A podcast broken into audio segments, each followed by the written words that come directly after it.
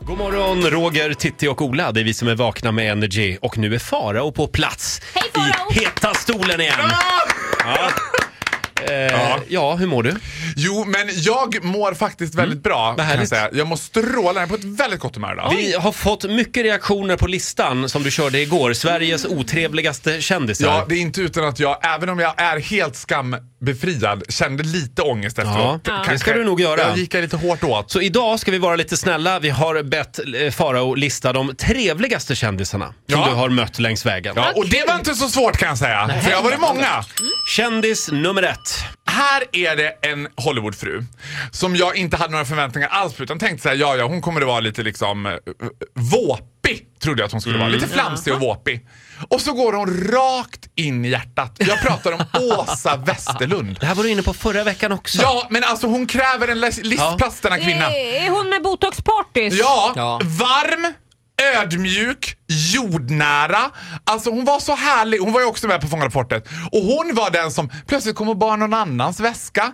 Plötsligt gick och grejade. Var så här liksom, jag tycker bara ro- Och så pratar du ju norrländska liksom. Just det, För hon är ju från Piteå. Ja, just det. Och det var himla kul att vara med på sånt här tycker Så jag. den här otrevliga sidan då, som man ser i tv-programmet. Helt Är det konstlat. inte Gunilla P som drar fram den då kanske? Gunilla P och Åsa, de tål ju inte varandra. Alltså Nej. Gunilla P avskyr ju Åsa om möjligt mer än hon avskyr Men du Isabella är ju Lövén. vän med båda, skulle du kunna medla mellan dem? Jag har ju funderat på om det är möjligt att på något sätt göra en liksom intervention med dem.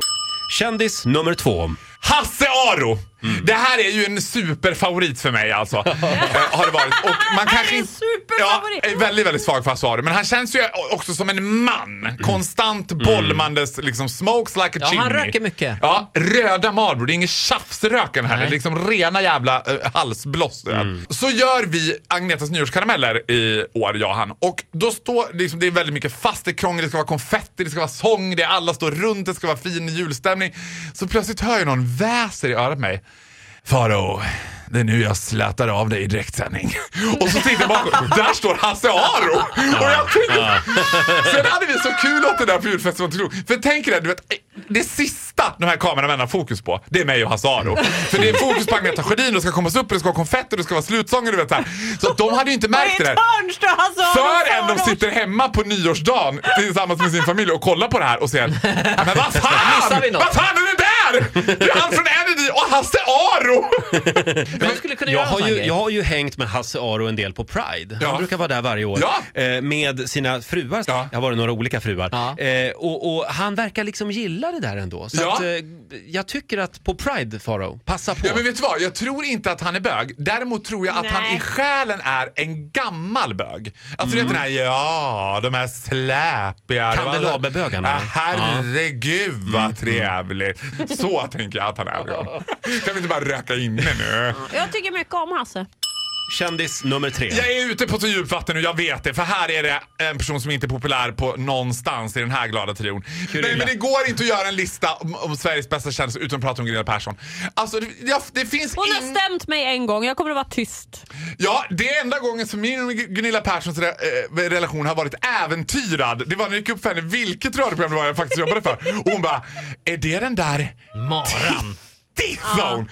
Nej men vet du vad, hon är så gullig. Hon kommunicerar väldigt ofta med mig via Instagram. Nu har hon kommit hem från USA, hon är i Sverige, vi ska Oj. äta lunch idag. Är hon i Alltså, Sverige? Ja, hon är i Sverige, vi ska äta lunch idag. Då har hon köpt med sig tre liter gurkvatten till mig. Aha.